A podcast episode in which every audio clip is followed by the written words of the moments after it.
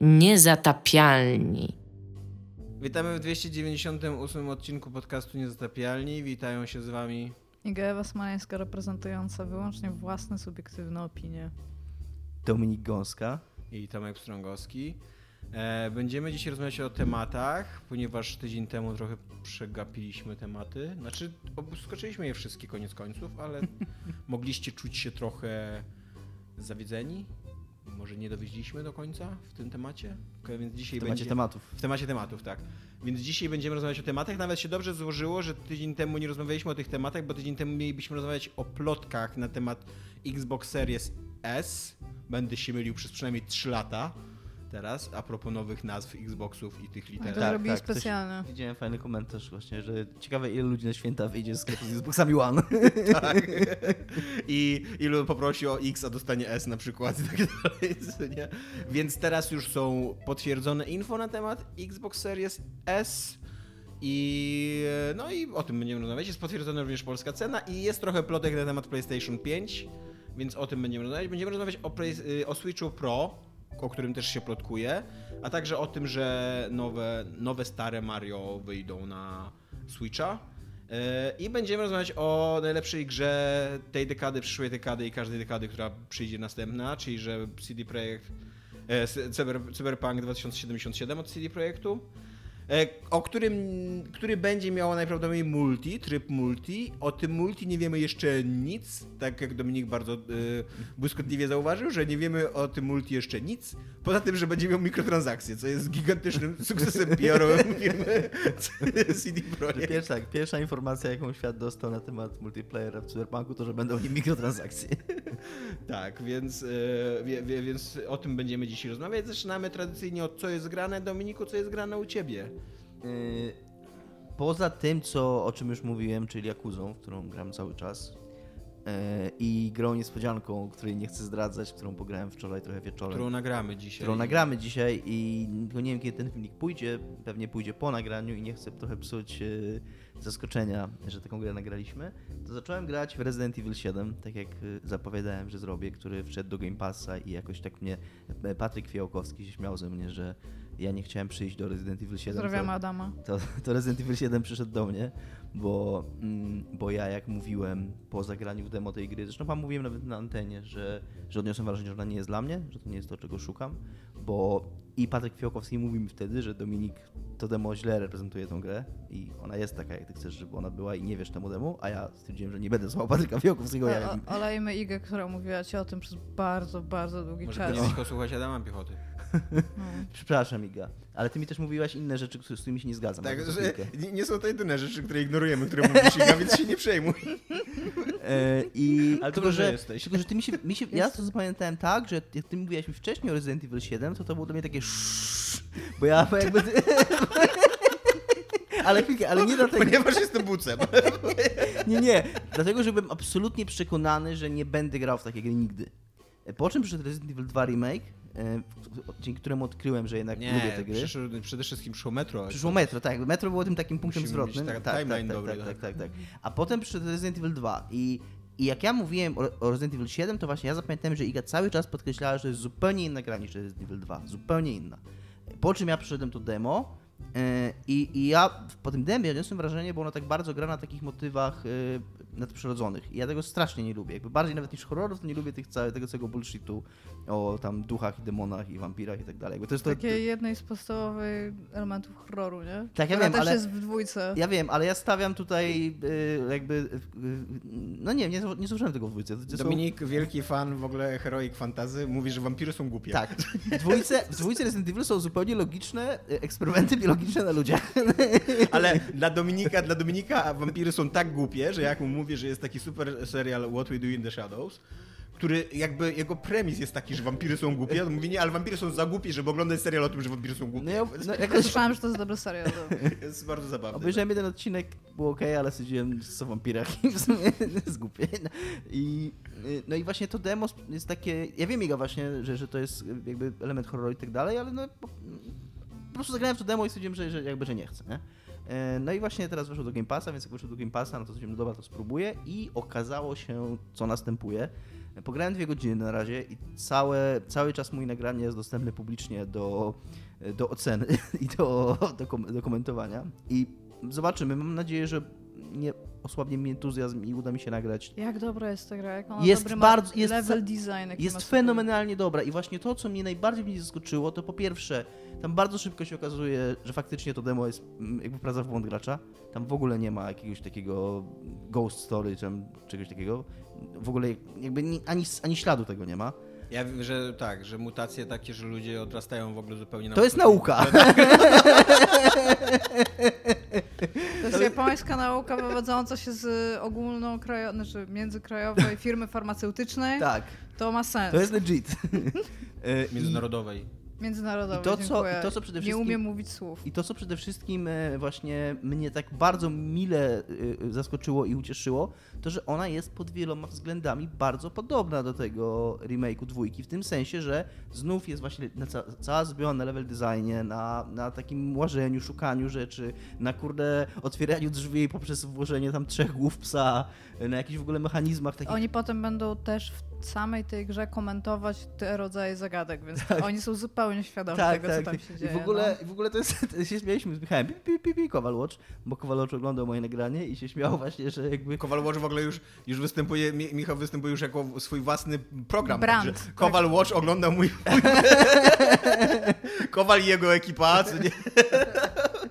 I później wyre, u, ustalili, jakie mają zdanie na ten temat i Michał, i Michał po prostu ci przekazał to zdanie. Że, tak, że być może nie jest najbardziej tam efektywnym, nie wiem, zabezpieczeniem antywłamaniowym, żeby, żeby otworzyć drzwi tej posiadłości trzeba znaleźć trzy płaskorzeźby z głowami psów. Każda z nich będzie ukryta w innym skrzydle tego domu. Jedna będzie, jedną zdobędziesz po znalezieniu, po znalezieniu odpowiedniego wahadła i zamontowaniu jej do, do, do zegara, nie? I tam takie w ogóle, masz taki, takie super przygodówkowe, takie nawarstwienie takich super skomplikowanych jakichś mechanizmów, jakichś rzeczy i to... Tak, bo siódemka jest właśnie bardziej jak, jak jedynka i jak dwójka, niż jak te późniejsze części Tak. po czwórce oparte już stricte na action z takimi mini elementami, to tutaj masz stricte elementy przygodowe, tylko w FPP. Tak, no to się dokładnie. super I to jest, i naprawdę yy, grałem w to, mówię, te dwie godziny grałem się super i co jest dla mnie mega ciekawe i odkryłem to już w Resident Evil 2 i tutaj mam potwierdzenie tego, że ja nawet trochę polubiłem jumpscary.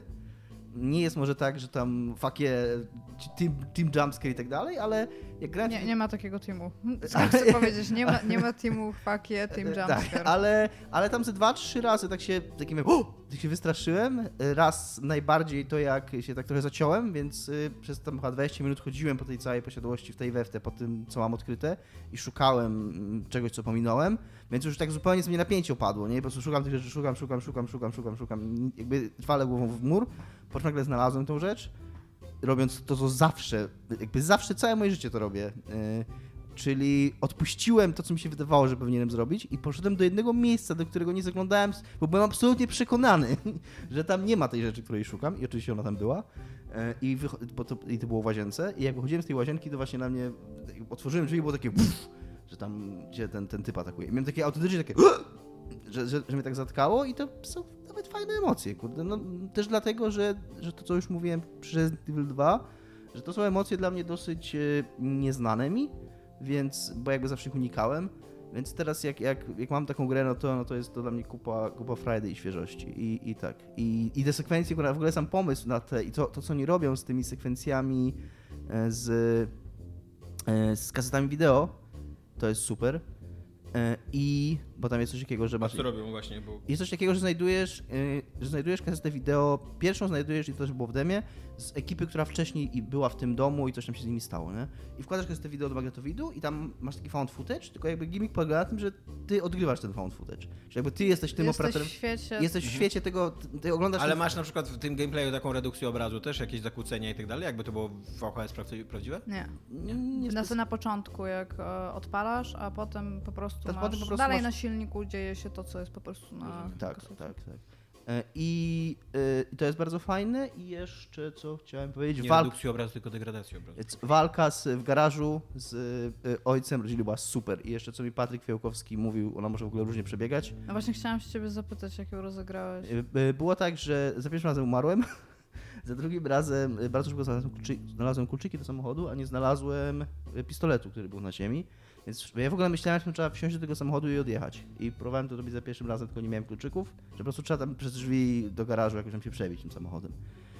E, Za drugim razem znalazłem kluczyki, wsiadłem do samochodu, zacząłem jakby mm, tego, tego wroga tym samochodem jakby Atakować. atakować e, i w pewnym momencie on rzucił mi się na maskę i wszedł jakby przez przednią szybę Mhm. e, i, za, za, i po prostu sam w ogóle kierował, zaczął kierować, jakby przejmować ode mnie kierownicę i wjechał e, w ścianę, wbijając się głową w taki Słup. żelbeton, słup, taki chyba żelbetonowy.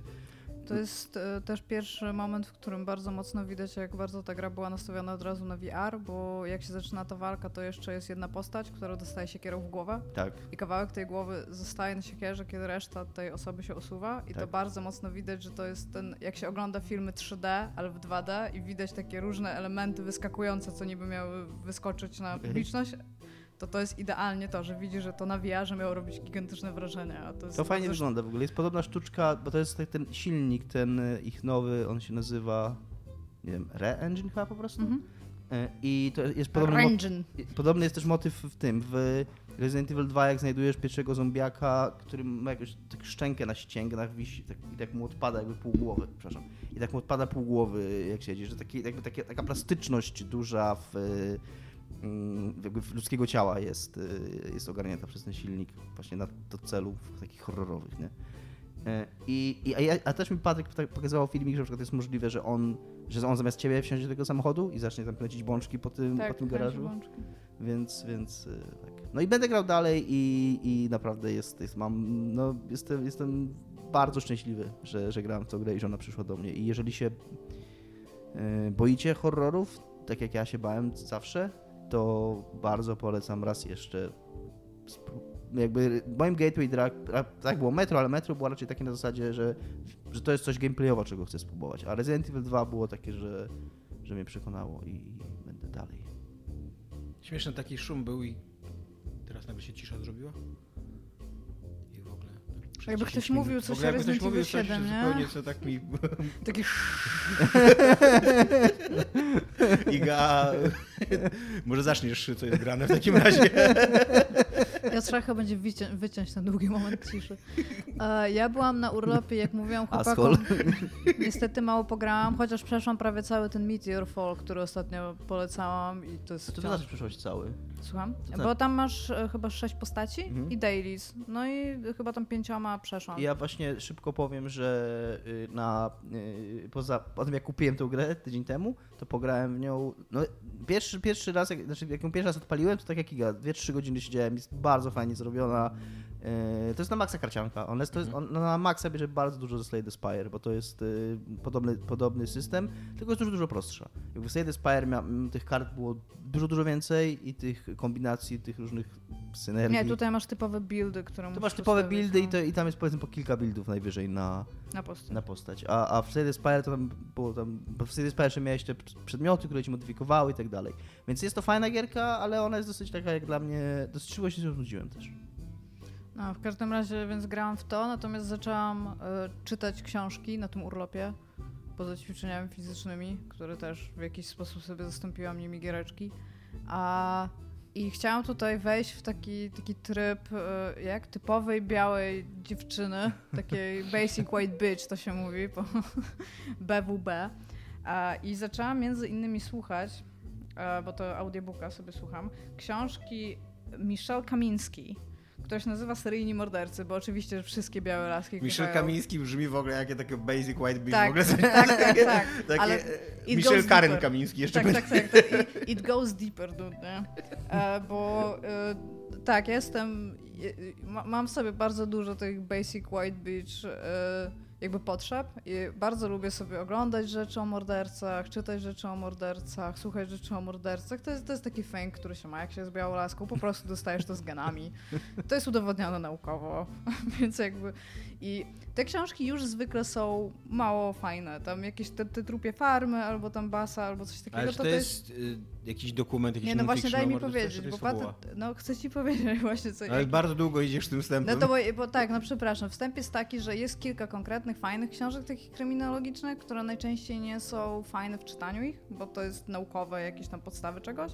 I tam te trupie farmy to już jest taki bardzo pop. I to jest takie pop of the pop, bo seryjni mordercy, Kamiński, Michel i już mówię, kto czyta tego audiobooka, Krzysztof Plewanko-Szczerbiński. Dajcie w komentarzach, co sądzicie Dajcie na temat hałas. tego, w jaki sposób on czyta książki, bo ja jestem nowa w audiobookach, żeby się interesować lektorami. E, w każdym razie ta książka to jest po prostu, to jest ta, ta Karen, o której mówisz, ona stwierdziła, Basic White Bitches czytają książki o seryjnych mordercach, a mi się trochę nie chce jej pisać, ale mam internet, więc ona nawet nie ma czegoś takiego, że to jest na przykład, nie wiem, his, jakiś taki y, obserwacja historyczna tego, jak ludzie byli mordowani przez wieki, albo nie wiem, wszyscy ludzie, którzy mordowali prostytutki, albo coś takiego, tylko ona ma to na zasadzie pytań i odpowiedzi, nie? na zasadzie jakieś pytanie i taka krótka odpowiedź, która zwykle przedstawia ci jakiś element jakiejś sprawy, o której akurat jej się chciało napisać. Tylko, że o ile na samym początku te pytania są na przykład czy częściej mordują kobiety, albo jak nazywam e, e, męską czarną wdowę, albo coś takiego i są jakieś tam sprawy podane, to już na samym końcu jest e, jakim samochodem jeździła osoba, która zamordowała 8 prostytutek od 2003 do 2008 w, tam nie wiem, nad zachód od Michigan, nie? I Brzmi jak siedzi- bardzo dziwna kategoria wabank. Bo tak, i ty siedzisz i tak, o Karen, widzę, że skończyły za 600 poproszę. I siedzisz i tam, o Karen, skończyły ci się pomysły, o czym możesz pisać, a znalazłeś jeszcze pół artykułu na Wikipedii. To fajnie, że go zmieściłeś z tej książki. I to jest po, po prostu, jak ja, to, ja tą książkę mam za darmo, nie? Jak ja bym za nią zapłaciła pieniądze, to, to, to bym jajko zniosła w ogóle, żeby to albo przesłuchać, albo przeczytać, bo to już jest takie najbardziej leniwe spośród leniwych e, tam wyciągnięcie ręki po kasa, nie? Jesteś białolaską, lubisz czytać mor- mordercach, ja mogę nawet coś napisać, żeby dostać pieniądze, ale nie każ mi się starać, nie? Na takiej zasadzie trochę. Więc bardzo nie polecam tej książki, pomimo faktu, że e, to jest taki, jeż- jeżeli mamy jakieś słuchaczki, które, nie wiem, dopiero wchodzą, no to dopiero odkrywają sobie tą białą laskę i tam właśnie jeszcze nie są pewne, czy chcą pić te pumpkin spice latte tam w Starbucksie, to to jest taka książka, jakby książka zero, można usiąść, można jej posłuchać, można ją przeczytać. O, odkryć, embrace'ować swoją e, Tak, inner białość. white bitch, tam załóż swoje te spodnie od jogi, od ćwiczeń, Tak. idź sobie na siłownię, ale tylko na cardio. To są takie, to są ważne rzeczy, które my musimy według Opierdol tradycji. sprzedawcę w sklepie. Tak, wiesz. weź zawieź swoje dzieci na mecz piłki nożnej swoim takim trochę słowem, ale to nie do końca jest słów, bo Tak, zadzwoń do męża, że zablokowali ci kartę kredytową. to są, to są ważne rzeczy, które kobieta w moim wieku, no już musimy o tym myśleć, już musimy o tym rozmawiać. Więc tak, e, słuchałam tego, e, przeczytałam książkę Murakamiego, do, ja, ja co roku czytam przynajmniej jedną książkę Murakamiego, natomiast bardzo się pilnuję, żeby te książki sobie zostawiać, bo on ich no, określoną ilość napisał i co prawda wciąż je tworzy, ale chcę je mieć na dłużej. I zwykle je czytam, jak jestem gdzieś na wakacjach na wschodzie. W tym roku mi się nie udało, bo COVID. Przeczytałam książkę na zachód od granicy, nad północ od słońca i to jest takie typowe 3 na 5 Murakamiego. Nie wiem, czy czytaliście Murakamiego. Murakami pisze ogólnie o rzeczach, jego, jego bohaterzy nic nie robią, natomiast czyta się to bardzo ciekawie, szczególnie, że widać, że to jest japońska literatura po prostu. Wydaje mi się, że może dużo uciekać w tłumaczeniach. Jest e, o niespełnionych romansach osoby, która dorasta, które jakby wracają do tej osoby e, w trakcie, kiedy ona już jest dojrzałym mężczyzną, bo to jest e, jakby zaczyna się narracja od chłopaka i on sobie musi w jakiś sposób poradzić z pewnymi niegodziwością, niegodziwościowami? Niego, jak, niegodziwość w liczbie mnogiej? Niegodziwości? Nie, niegodziwość. Nie, Niegodziwościami. niegodziwościami. O, o, o, o, o, o, o, to to, no. E, Widać które popełnił jakby, jakby w wieku młodym, myśląc dosyć egoistycznie na zasadzie, że na przykład zrobił komuś krzywdę, ale on w sumie nie chciał zrobić tej osobie krzywdy, bo on o niej wtedy nie myślał, więc, ta, więc on nie zrobił nikomu krzywdy, tak? I to było na takiej To zasadzie. jest w ogóle największa trauma, której ja się boję. Znaczy, to, to zabrzmi teraz strasznie egoistycznie, bo to jakby to zakłada, że ty komuś wyrządziłeś traumę, Tak. ale ja y, już przez całe życie żyję w takim lęku, że y, albo kogoś skrzywdziłem, albo kogoś skrzywdzę i nawet nie zwrócę na to uwagi. Tak, i to ten typ I mniej że jakby, coś że wpłynę ma. totalnie na czyjeś życie i to będzie dla mnie w ogóle wtorek, co nie? On w ogóle też zadaje takie pytanie bardzo wcześnie w tej książce, e, czy można w ogóle e, uczynić komuś krzywdę samym faktem, że się, że się istnieje, że się jest dalej jakby od, od pewnego momentu. I no ta książka odpowiada bardzo drastycznie, że tak, że się da. E, No i on też musi sobie w jakiś sposób z tym poradzić. Musi dojść jakby do, z wieloma rzeczami tak e, do porządku dziennego, ale też ustawić sobie w głowie, jaki on ma w ogóle do nich stosunek, bo po prostu to też jest kwestia tej książki. On zbyt długo nie myślał o konsekwencjach takich moralno-etycznych rzeczy, które robi. Nawet jeżeli nie robił bardzo dużo złych rzeczy, to te kilka złych rzeczy po prostu procentuje, jakby z roku na rok jest coraz z nimi gorzej. A on tylko, już sam fakt, że ci się wydaje, że o mój Boże, po co on tyle o tym myśli, a potem nagle masz takie z, z rzeczywistością zderzenie, że się okazuje, że kurde, może to, że on o tym tak dużo myślał, to jest jednak za mało, tak? Może powinien coś w związku z tym zrobić. Co jest zawsze dla mnie takie odświeżające poczytać coś takiego, książkę, gdzie ludzie siedzą i słuchają muzyki przez większość czasu, bo Murakami też jest chyba muzykiem. Jest, Tak. Znaczy nie wiem, czy jest muzykiem, ale jest w ogóle jakimś totalnym fanboyem muzyki. Tak, i szczególnie takiej jazzu. E, Beatlesów. Tak, jazzu, no, Norwegian Wood to jest moja jego ulubiona książka. A jazzu, Beatlesów, ale też muzyki poważnej, więc e, bardzo często mam tak, że on o czymś pisze, że to jest, wiecie jak się nazywają utwory muzyki poważnej, więc ja muszę sobie odpalić to na, na przykład na Spotify, przesłuchać i a dobra, o to mu chodzi, nie? I dopiero idę, idę dalej z tym. Ale no jest, jest taka bardzo, jest bardzo w jego stylu. Są bohaterowie, którzy mają bardzo bogate życie wewnętrzne, z którym muszą sobie dojść do tego. Na szczęście nikt w tej książce nie schodzi do studni bo zawsze ma ten motyw z jakąś studnią albo ciemnym miejscem, gdzie ktoś jest w jakiś tam sposób taki metaforyczny zamknięty. Tutaj tego nie ma. A, no i ta książka też jest jedną z najkrótszych książek Masz to na papierze? czytałam. Mam tą książkę w wydaniu książkowym, mogę cię jutro, nawet będę w Gdańsku, mogę cię jutro podrzucić, jeżeli byś chciał.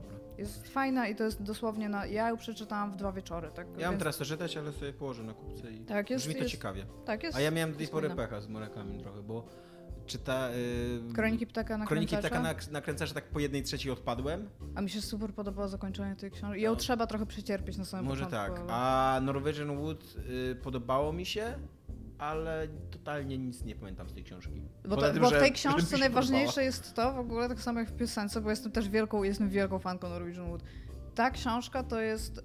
Żaden wątek nie zostaje w niej zamknięty i ci bohaterowie muszą sobie z tym poradzić, że tam jest bardzo dużo skomplikowanych rzeczy, które po prostu bardzo życiowo nie mają domknięcia. Na zasadzie nie ma tej kropki nad i. Tylko tych wątków jest tam chyba z siedem. I to są bardzo ważne wątki, których ty zakończenie chcesz znać, ale ty tak samo jak bohaterowie musisz być tak dobra, muszę dać sobie radę z faktem, że one nie będą mieć żadnego domknięcia po prostu, nie? Oni będą musieli żyć z faktem, że one zostały domknięte. Mega lubię tą książkę. Tak samo jak ta piosenka w ogóle, jak się ją posłucha potem, to się okazuje, że on rzeczywiście napisał książkę o tej piosence. No mówię, nie zupełnie nie pamiętam tej książki, więc No. być może. Zgadzam się ze wszystkim, co powiedziałaś. A co u ciebie, Tomaszu? U mnie też literatura, to będą... E, tak. Ponieważ O ostatnio... nie! Ostatnio dostałem, ostatnio dostałem feedback od drugiego Tomka, że jak mówię o literaturze, to to jest najciekawsze. A jak wiadomo, nagrywałem ten odcinek dla, dla naszych znajomych i przyjaciół. Tak, wszyscy nasi słuchacze są nasi przyjaciele. Nice cię. Nice save. Więc najpierw powiem e, dwa razy krótko o dwóch audiobookach, a później powiem dużo o w ogóle pracy naukowej. O, to Bo jest, to jest to, co lubimy po raz najbardziej. pierwszy- Po raz pierwszy od obronienia doktoratu przeczytałem e, pracę naukową, taki esej długi, znaczy długi, tam ze 100 stron, to nie jest długi, no To- ale... Nie, to jest długi esej. E, I tak, i jestem w ogóle trochę wkręcony w niego teraz, dużo o nim myślę i polecę wam go. Więc tak, zacznijmy od takiej najbardziej popkulturowej, to jest Upadające Imperium Johna Scalziego. Kolesia, który... Czekaj, czy to jest autor, czy tak się nazywa książka? Nie, upadające, upadające imperium. to jest e, książka, autor to jest John Scalzi, to jest autor e, Czerwonych Koszul, to jest bardzo znana książka, której ja nie czytałem, ale jakby jest na tyle znana, że wiem, że jest znana. E, I czyta tego audiobooka Grzegorz Borowski, czyta go kompetentnie, tyle mogę na ten temat powiedzieć, nic więcej. E, I to jest bardzo spoko, takie totalnie stokowe science fiction. O tym, że istnieje takie imperium, gwiezdne imperium e, ludzi. Wiesz, jak super za zainteresowałeś mnie faktem, że to jest stokowe science fiction? Ja chyba potrzebuję Ja właśnie też, science też, miałem tak, życiu, też no. miałem tak, że potrzebowałem jakiegoś takiego stokowego, właśnie zaraz powiem dlaczego. Potrzebowałem takiego, takiego odmóżdżacza, żeby po prostu czytać sobie i się nie stresować i nic takiego. Właśnie zaraz powiem o tym następnym audiobooku, bo jakby to, ten był drugi, co nie ten, o którym teraz opowiadam. I, e, i, e, i, I włączyłem to. Spodziewałem się, że to będzie bardzo zła książka. Ona jest zaskakująco okej. Jest dobrze napisana, fajnie przeczytana, jest dosyć ciekawy świat. To jest o takiej ludzkości rozproszonej po wszechświecie em, która straciła kontakt z Ziemią, jakby jest już to, to imperium już zupełnie istnieje jest tak autonomicznie poza Ziemią. Czyli I- tak jak Warhammer 40 tysięcy trochę? Nie wiem, nie znam zbyt dobrze No bo tam lore, chyba też tak jest, nie że masz tych, dobrze tam jakichś Space 60 Marinesów, ale Ziemia gdzieś tam jest jako zaludniona. Znaczy, no, tutaj przede wszystkim, tu przede wszystkim całe to imperium spajają gildie handlowe i, tak, i biznes jakby, i ekonomia, co nie? A nie religia. Jakby do tej pory jeszcze nie natrafiłem na żaden wątek takiego religi- religijnego fanatyzmu. Co nie? A w Warhammer 40 tysięcy chyba właśnie przede wszystkim chodzi o religię, nie? E, I y, myk jest taki, że to jest y, świat takiej naszej normalnej fizyki, w którym nie, mo, nie, nie, nie, jakby nie można mm, podróżować z prędkością światła, ale istnieje coś takiego jak nurt, czyli jakaś taka, jakaś taka pozafizyczne, pozafizyczne takie trasy, które w ogóle one, one są też jakby innymi wymiarami zupełnie, co nie? Jakby to, to jest taka fizyka wyjęta z naszego Ja świata. się Takie- popatrzę na Dominika, czy, czy, czy tego triggeruje, bo to To są takie, takie, takie rzeki, takie, takie rzeki, takie skróty przez wszechświat, co nie jakby, do których je, można wpłynąć. tak jak na- ta, że zginasz kartkę i ołówkiem ją Nie. ten, nie tak? okej. Nie. Ja w ogóle, ja mam bardzo Nie, bo normalnie podróżowanie w tym, podr- podróżowanie w tym zajmuje czas, tylko dużo krótszy czas, nie? I Okej, jakby czyli normalnie. to jest taki oceaniczny nurt, tak dosłownie. Tak, to, dokładnie. Statek kosmiczny jakby wpływa, nawet jakby wpływa na mieliźnie w to i, i, i tam wypływa gdzieś po drugiej stronie i jakby całe to, im, całe to imperium jest zbudowane na planetach, które są bardzo trudne do zamieszkania, ale y, jakby muszą, mu, ludzie muszą mieszkać na tych planetach, dlatego że tam działa nurt jakby i tylko tylko dzięki temu Rozumiem. mogą w ogóle całe imperium może istnieć, dokładnie jakby. tak. No i punkt wyjścia jest taki fabularny, że ten nurt zaczyna zanikać. Jakby nikt nie wie do końca dlaczego. Jest tam jakiś jeden wybitny naukowiec, który to bada, więc być może to wyjaśnią jakoś. Ale jakby to jest taka nauka, która tam po prostu, jak dla mnie, po prostu usprawiedliwia świat przedstawiony. To nie? w ogóle właśnie Iga, Iga mnie spytała, czy to mnie triggeruje. Ja w ogóle nie wiem, czemu miało mnie, mnie to triggerować. To znaczy, wydaje mi się, że jakby możliwość podróżowania szybciej niż światło jest takim jednym z podstawowych założeń SF, bo gdyby nie to, to tam połowa SF nie ma sensu. Tak. Bo jeżeli chcesz pisać o podboju kosmosu, no to musisz po prostu wymyślić sposób na podróżowanie szybciej niż światło. I cokolwiek byś nie wymyślił, to jest takie tam because science, nie? No jakby my wiemy, że to nie jest możliwe. Tak? Jakby Czemu, na, nie, na, czemu nie nazywają tego na przykład Science Engine? jakby na stan dzisiejszej nauki wiemy, że to nie jest możliwe. Jeżeli ktoś naprawdę wymyśli y, sposób, żeby to było możliwe, no to kurna, to będzie przeepokowe w ogóle y, y, odkrycie, które postawi w ogóle na nogach całą naszą wiedzę. Zamiast się pod dywan, byś powiedział? Zamiast się pod tym. A, ale dopóki ktoś tego nie zrobi, a możliwe, że tego nikt nigdy nie zrobi, no to każde wyjaśnienie w książce będzie, mm, wiesz, będzie Może to jest hand waving, nie? kwestia ceny. E, No i, i jakby e, taki, taka, taki początek fabularny jest taki, że ten nurt zaczyna zanikać i to uaktywnia całą masę różnych spisków, konfliktów interesów w tym imperium i tak dalej, co nie? Jakiś taki, i, i jeszcze nie do końca wiem o co chodzi każdej frakcji, ale zaczyna się jakaś taka wielka gra, trochę, trochę mam taki, taki y, vibe Duny, tylko dużo prostszy i dużo taki bardziej popkulturowy. I to jest w ogóle bardzo książka taka bardzo napisana według takiego e, podręcznika, jak pisać popkulturowe książki, powieści takie, co nie? Że tam na początku masz ten cold open, czyli to taki, taki wstęp, który przedstawia ci świat i który pokazuje ci, co to będzie za powieść. Później totalnie jakby porzucasz cały ten wątek i przechodzisz do, do takich prawdziwych przyja- takich prawdziwych bohaterów i w ogóle ona jest podzielona na krótkie... John Zacknął. Tak, jest podzielona na krótkie... piasek wszedł mu w jego kosmiczne Jest podzielony oczy. na krótkie rozdziały, ma perspe- e, narrację z, trzech, z trzech perspektyw przedstawioną. Perspektywy takiej mm, mm, kobiety przedstawicielki gildii, e, perspektywy imperator, kobiety imperator tej e, mm, imperatorki tej, te, tego imperium i takiego e, syna tego naukowca, który bada ten zanik nurtus, nie? I na razie mi się słucha to super, super fajnie i mnie to odstresowuje, a potrzebowałem odstresowania, ponieważ wcześniej słuchałem em, audiobooka, który ma długi tytuł, a ja niecały pamiętam, więc zaraz przeczytam. Płuczki w poszukiwaniu żydowskiego, e, poszukiwacze żydowskiego złota. To jest e, reportaż Pawła Piotra Reszki. Jest w ogóle fun fact, istnieje dwóch Pawłów Reszka w... Czytał. Co? Czytał go Kosior, Filip Kosior go czytał, który bardzo dobrze czyta w ogóle audiobooki, bardzo go lubi, ale w tym audiobooku był taki sobie, on trochę nie pasował do tego audiobooka. Zaraz wyjaśnię dlaczego też. Ale najpierw fun fact, że w polskim, w polskim y, pisarstwie reportażowym non-fiction istnieje dwóch Pawłów Reszków. Obaj są bardzo dobrymi reporterzystami i żeby się odróżniać, to jeden z nich podpisuje się Paweł Piotr Reszka, tym drugim imieniem swoim też. I co więcej, on w tym, w tym, w tym swoim reportażu Płuczki odnosi się też do, do publikacji tego drugiego Pawła Reszki i jeszcze w nawiasie dodają, że to nie jest ten sam Paweł Reszka, co nie? E, i jest Ciekawe, to... czy mieli takie spotkanie, gdzie stwierdzili, słuchaj, musimy coś zrobić. Tak. jak, Rzucam- masz, jak masz na drugie, tam Adolf. Dobra, to ja będę. Przepraszam, nie chcę powiedzieć, że Wow. ma tak na drugie i nawet nie wiem, czemu to miałoby być krzywdzące w sumie, to wciąż jest imię. Jest, No. to, jest to opowieść o Polakach, którzy po II wojnie światowej, po 1945 rek- roku, mieszkali w okolicach Sobiboru, e, obóz zagłady i tam... Dobre, dobre, dobre nawiązanie do Hitlera i gadam. Propsy. No praktycznie przez Adolfa Hitlera to imię No to praktycznie zniknęło w ogóle z powierzchni ziemi. Tak. Ale zaskakująco dużo Józefów mamy wciąż, co nie? Ale na przykład teraz też, e, przepraszam, taka statystyka, ciekawostka. E, podobno w tym i w zeszłym roku imię Karen w Stanach Zjednoczonych bardzo mało popularne. Just saying, no, przepraszam. Dobra, i jest to opowieść o Polakach e, właśnie, którzy przekopywali masowe groby w poszukiwaniu żydowskiego złota, czyli z jakichś złotych zegarków, zębów, medalionów, e, gotówki i tak dalej, po prostu.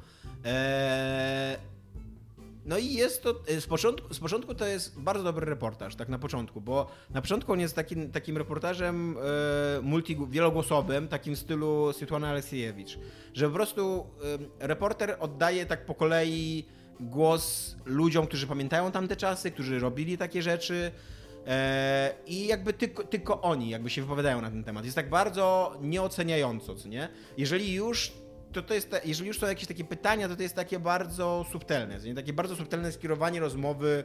Nawet, nawet zazwyczaj jakby nie słychać tego, tego zadawa, zadawania pytania, tylko jakby słyszysz z odpowiedzi, że to jakby jest zasugerowana trochę odpowiedź, nie? E, i, I to jest spoko, bo dla mnie to jest dosyć to jest bardzo skomplikowane tematycznie, nie? Bo z jednej strony jakby y, to jest oczywiście straszna rzecz, co nie? Tam y, takie, takie y, hiena cmentarna, nie wiem, o- o- o- ogra- ograbowanie, o- okradanie zwłok i, i, i tak dalej. Do tego w przypadku jakby takiej, wiesz, na, na, na, największego ludobójstwa, jakie miało miejsce w ogóle w, w naszych czasach, a do tego jeszcze to się wiąże z tym takim przedwojennym i w trakcie wojennym e, antysemityzmem polski, polskim, że e, dużo osób tam mówi, no, że przecież to byli Żydzi i tak dalej, co nie? Ale to tak, to z jednej strony, ale z drugiej strony po wojnie no, panowała straszna bieda, nie? Taką No. podlająca nędza w Polsce, nie? Ludzie autentycznie nie mieli pieniędzy, autentycznie nie mieli co jeść i tak dalej, nie? Więc nie byłbym taki, taki chorzy do jakiegoś takiego oceniania etycznego. Tej, tej, jakby e, wydaje mi się, że to jest, to jest trudne. Nie? I oczywiście im dalej od wojny, im, im lepiej się żyło w Polsce, tym, tym ocenienie tej sytuacji jest, jest coraz prostsze. Co nie? Że tam już w latach 70., 80., bo to do, aż do tego czasu trwały co nie? Te, te wycieczki takie na, e, na, na groby, że to, to, to się stawało coraz łatwiej, łatwiejsze do potępienia, co nie? Ale w pewnym momencie, i, i dopóki to są głosy takich zwykłych uczestników, no to właśnie wydaje mi się, że została zachowana taka taka Repo- równowaga. W, Reportażowska neutralna. tak, no właśnie. Ale później jakby ten, ten reportaż, y, później się kończą ci uczestnicy, bo ich, ich jest, no ich stosunkowo niewielu już żyje tych ludzi, nie? Którzy, którzy pamiętają tamte czasy. I po pierwsze zaczyna się rozmawianie ze współczesnymi jakimiś takimi badaczami albo e, dziennikarzami, a po drugie zaczyna się takie przywoływanie dokumentów. I tam już jest tego, tego narratora, tego reportażysty jest o wiele więcej, jakby jego osobowości i tak dalej. I i wtedy czuć, że jednak jest taki, taki mocny, mm, e, mocno potępiający jest wydźwięk tego reportażu, nie?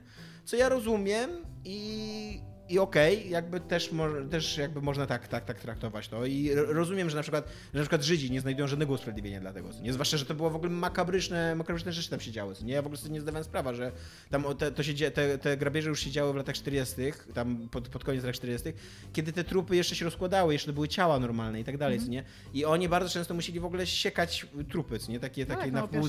Nie, nie zdajemy. I wiesz, jak oni nazywali to? Nazywali to rąbanką. Że idą na rąbankę. No musisz nadawać e, takie rzeczy, Tak, takim rzeczom tak. takie nazwy, żeby Do- móc w jakiś tym- sposób tak. usprawiedliwić Też, to też, oni, te, też o tym mówią, że właśnie jak, jak się dostosowuje, dostosowuje się język do rzeczywistości, żeby, że na przykład dlaczego Hipoteza Sapira Worfa? tam, tam, tam, poda, tam podawali bardzo fajny przykład, który, który przy okazji tego zawsze, zawsze pada, że dlaczego myśliwi mówią farba na krew, co nie? No bo, No tak. bo to ich jakby usprawiedliwia, nie? Że, że zwierzę napuściła farbę, a nie, że trafiłem ją i krwawi, nie? No, więc, e, więc musiałem, ale mm, musiałem się jakby odstresować po tym, ale og- ogólnie... Ja chciała powiedzieć, że jest, e, jak teraz, te, teraz grałam w tego Atom, to jestem nauczona, że jako, że przez to, że to jest gra bardzo stricte mocno ciągnąca z Fallouta i nawet nie bazowana, po prostu wyciągająca z niego rzeczy, to tam jest taki jeden quest, który e, być może każe ci rozkopać grób, ale nie mówię tego super dosłownie, nie? Ale masz, centralnie są groby, jakie oglądasz, to jest napisane, że jakbym miał łopatę, mógłbym go rozkopać. I w Falloutie było coś takiego, że bardzo szybko byłeś się w stanie dorobić, e, przeszukując po prostu groby, ale dostawałeś tego perka, że tam traita tak naprawdę Grave Robber, nie? I jest tam podpis, gra- czy tam Grave Digger. Jest napisane, że tam e, są martwi, więc ich, i nic ich to nie obchodzi, nie? They, they're dead, they don't care, nie? I że tam możesz sobie po prostu zbierać, ale zawsze miałeś minus jeden do karmy. Z, tym, z tym, po prostu nie No mogłeś się tego pozbyć. Właśnie trochę jest to, ja sobie trochę myślałem o grach wideo, jak, jak słuchałem tego, tego audiobooka. I jest to trochę przerażające, jak gry wideo normalizują okradanie zwłok, nie? Okradanie Nawet grobowców. świeżych, nie? Tak, okradanie, ale też, ale też właśnie kopanie w ogóle dziur w ziemi, okradanie grobowców i tak dalej. Jakby to, to jest norma, zwłaszcza w jakimś fantazy gatunku. Nie? To, że, że schodzisz do, do, do miejsca, gdzie kogoś pochowano i w ogóle po prostu zabierasz wszystkie cenne rzeczy, z którymi go pochowano. Ale z drugiej strony... Bo po co było? Dobra, to dam ci taką zagadkę etyczno-moralną, z którą ma realnie problem cały, y, cały jakby dział naukowy, nie? Gdzie jest różnica pomiędzy ograbianiem grobów a archeologią? Kiedy, kiedy ten Tak, grób musiał tak. być zakopany, żebyśmy mogli stamtąd wyciągać Tak, rzeczy, ale, ale nie? też nie oszukujmy się, że postacie, wiesz, z gier fantasy rzadko kiedy są archeolodzy. To są po prostu ludzie, którzy wyjmują, wyjmują ten medalik, idą do pierwszego sprzedawcy lepszego i go tam sprzedają za, za 3 sztuki złota, co nie? I narad. No tak, tak, tak. Szaluj dobry dungeon, Tomek.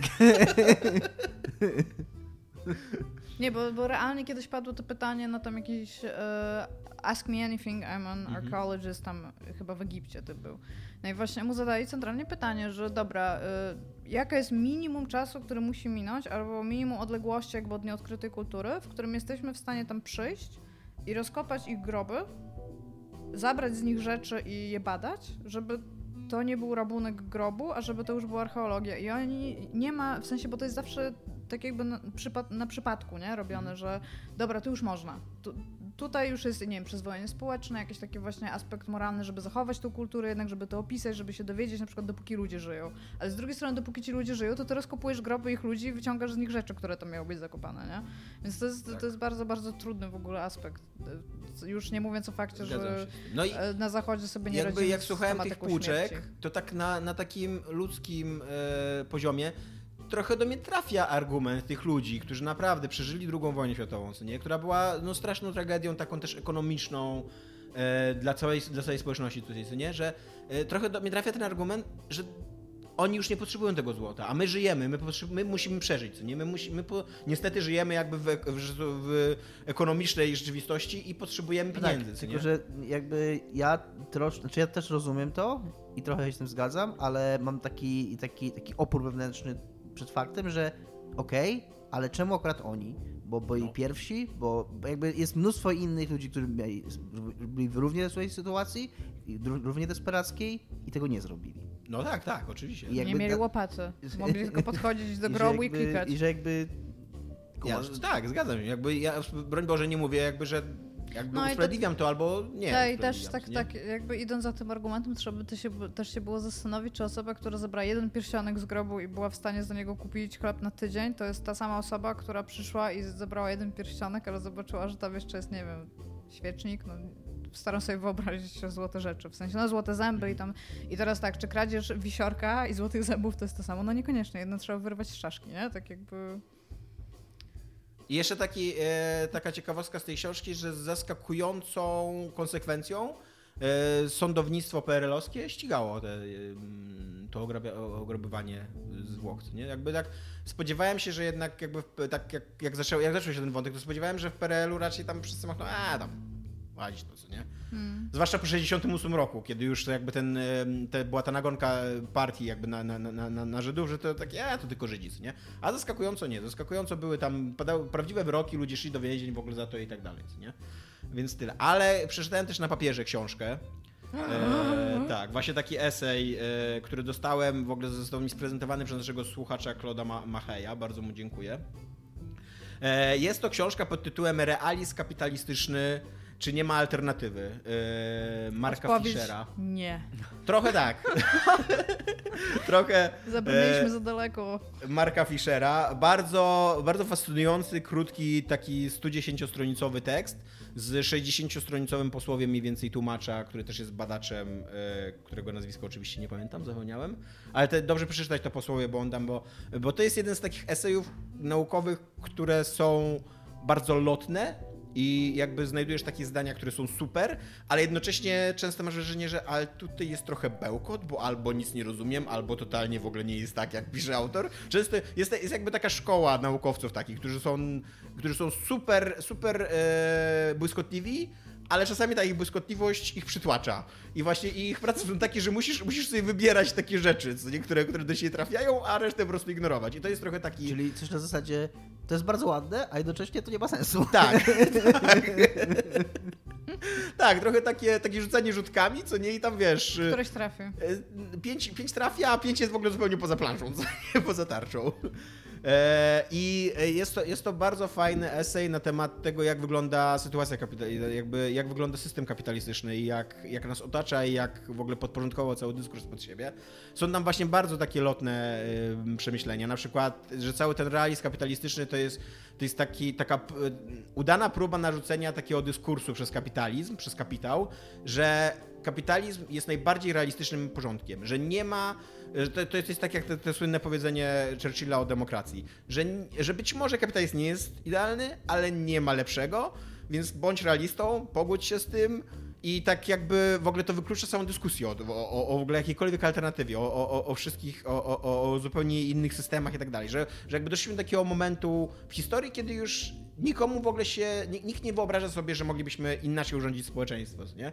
I tutaj na przykład on, on bo ten, ten Mark Fisher, on popełnił samobójstwo chyba rok czy dwa lata temu, ale za życia on był w ogóle krytykiem takiego popkulturowym, głównie muzyki, ale był w ogóle bardzo zafascynowany filmem, em, e, filmem przede wszystkim filmem. I on podaje bardzo takie współczesne, ciekawe przykłady z popkultury i na przykład podaje ludzkie dzieci. Że ludzkie dzieci, te Caurona, ten, ten, ten, ten. Quarona, tak? E, ksi- te, ten film jest, jest świetnym przykładem klęski kapitalizmu, jakby systemu, który nie potrafi się dostosować do katastrofy, która przyszła, ale jednocześnie trwa, bo nikt nie, nie, nie, nikomu do głowy nie przychodzi, żeby wymyślić jakąś alternatywę dla ale tego te- systemu. No teraz jesteśmy też. Tak. wczoraj, wczoraj oglądałam wiadomości, jak nigdy nie oglądam wiadomości, i napadło w ogóle takie zdanie. To było zdanie e, kogoś z Hiszpanii, bo tam teraz pootwierali szkoły i wszystkie te szkoły tam, co pootwierali, to większość musieli pozamykać albo przejść na system hybrydowy, bo się wszyscy, pozara- wszyscy się pozarażali.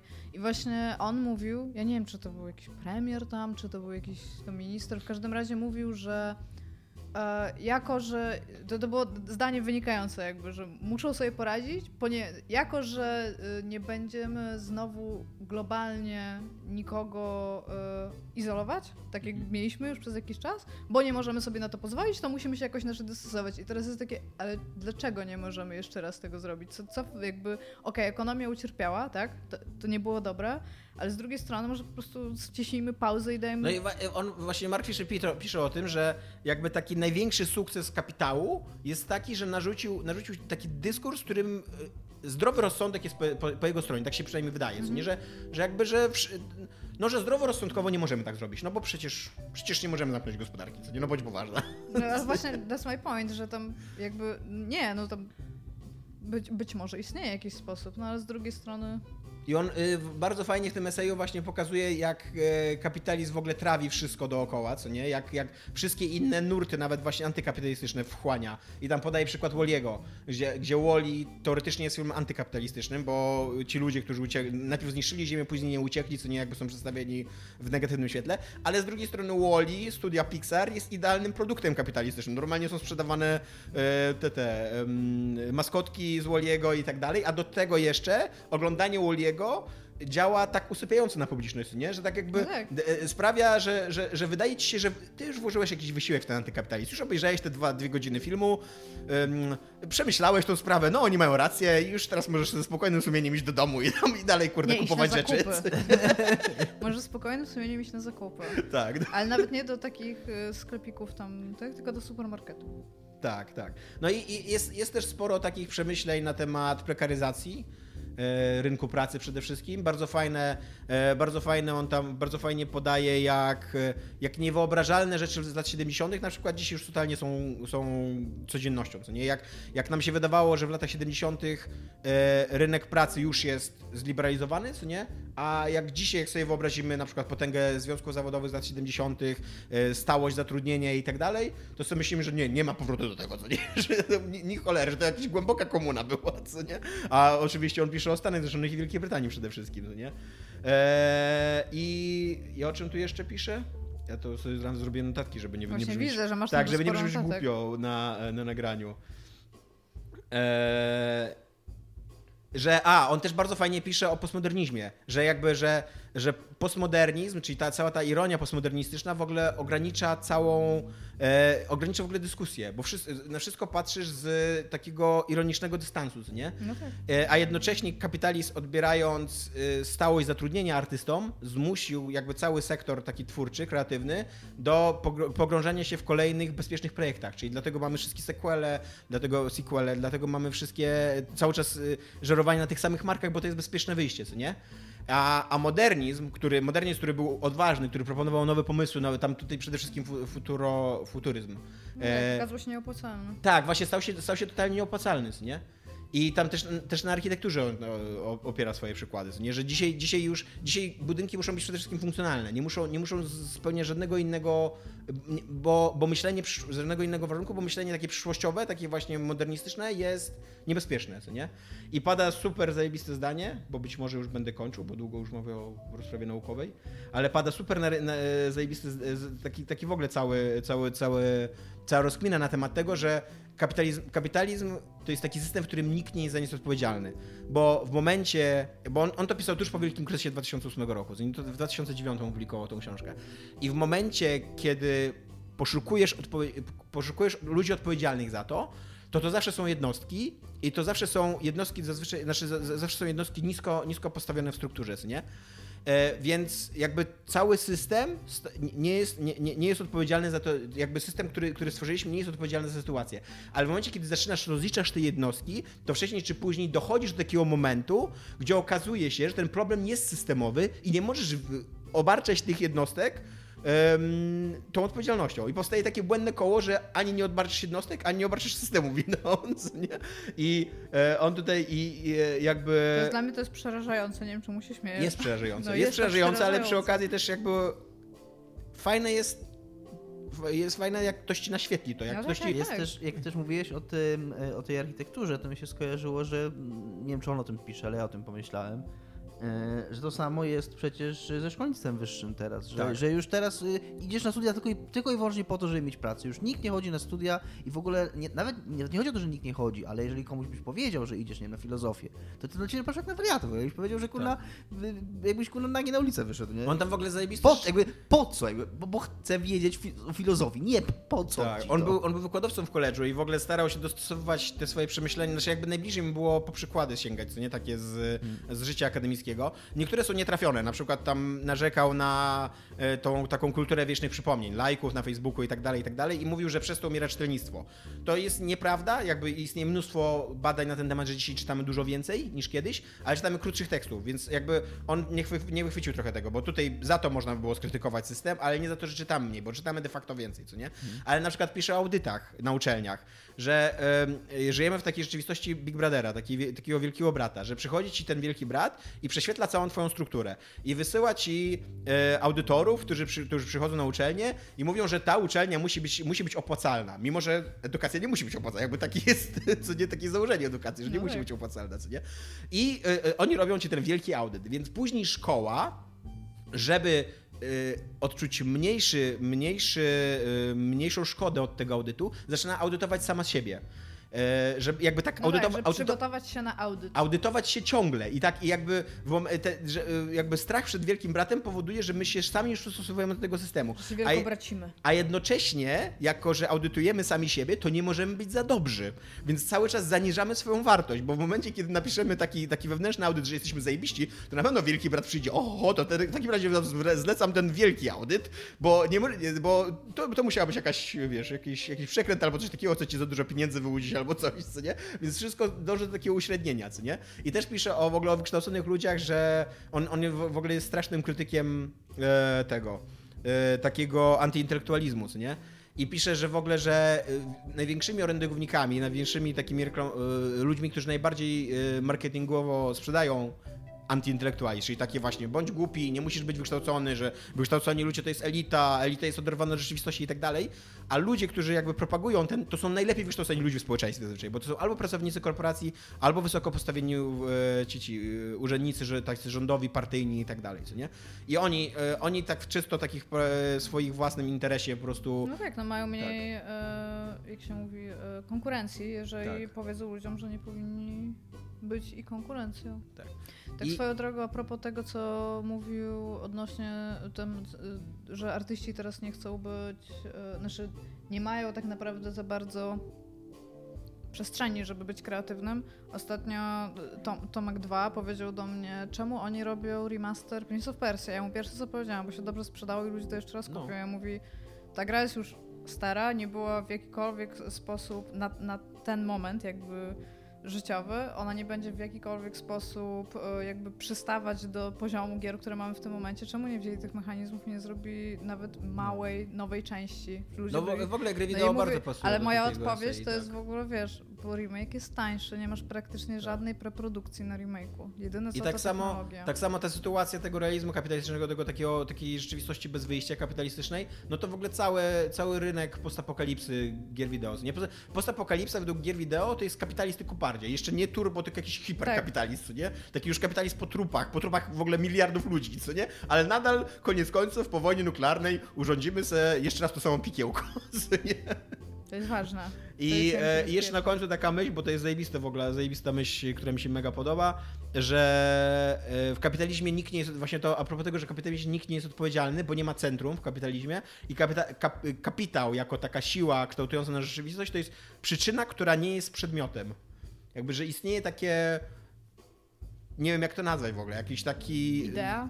Idea, zbiór ruchów, jakieś mechanizmy, taki w ogóle cały system, nie? który jest, który stoi za tym wszystkim, ale nie jest podmiotem. Nie można go jednostkowo obarczyć odpowiedzialnością. Nie można nikogo obarczyć. Nie? Z nikim nie można dyskutować na ten temat, co nie tak naprawdę.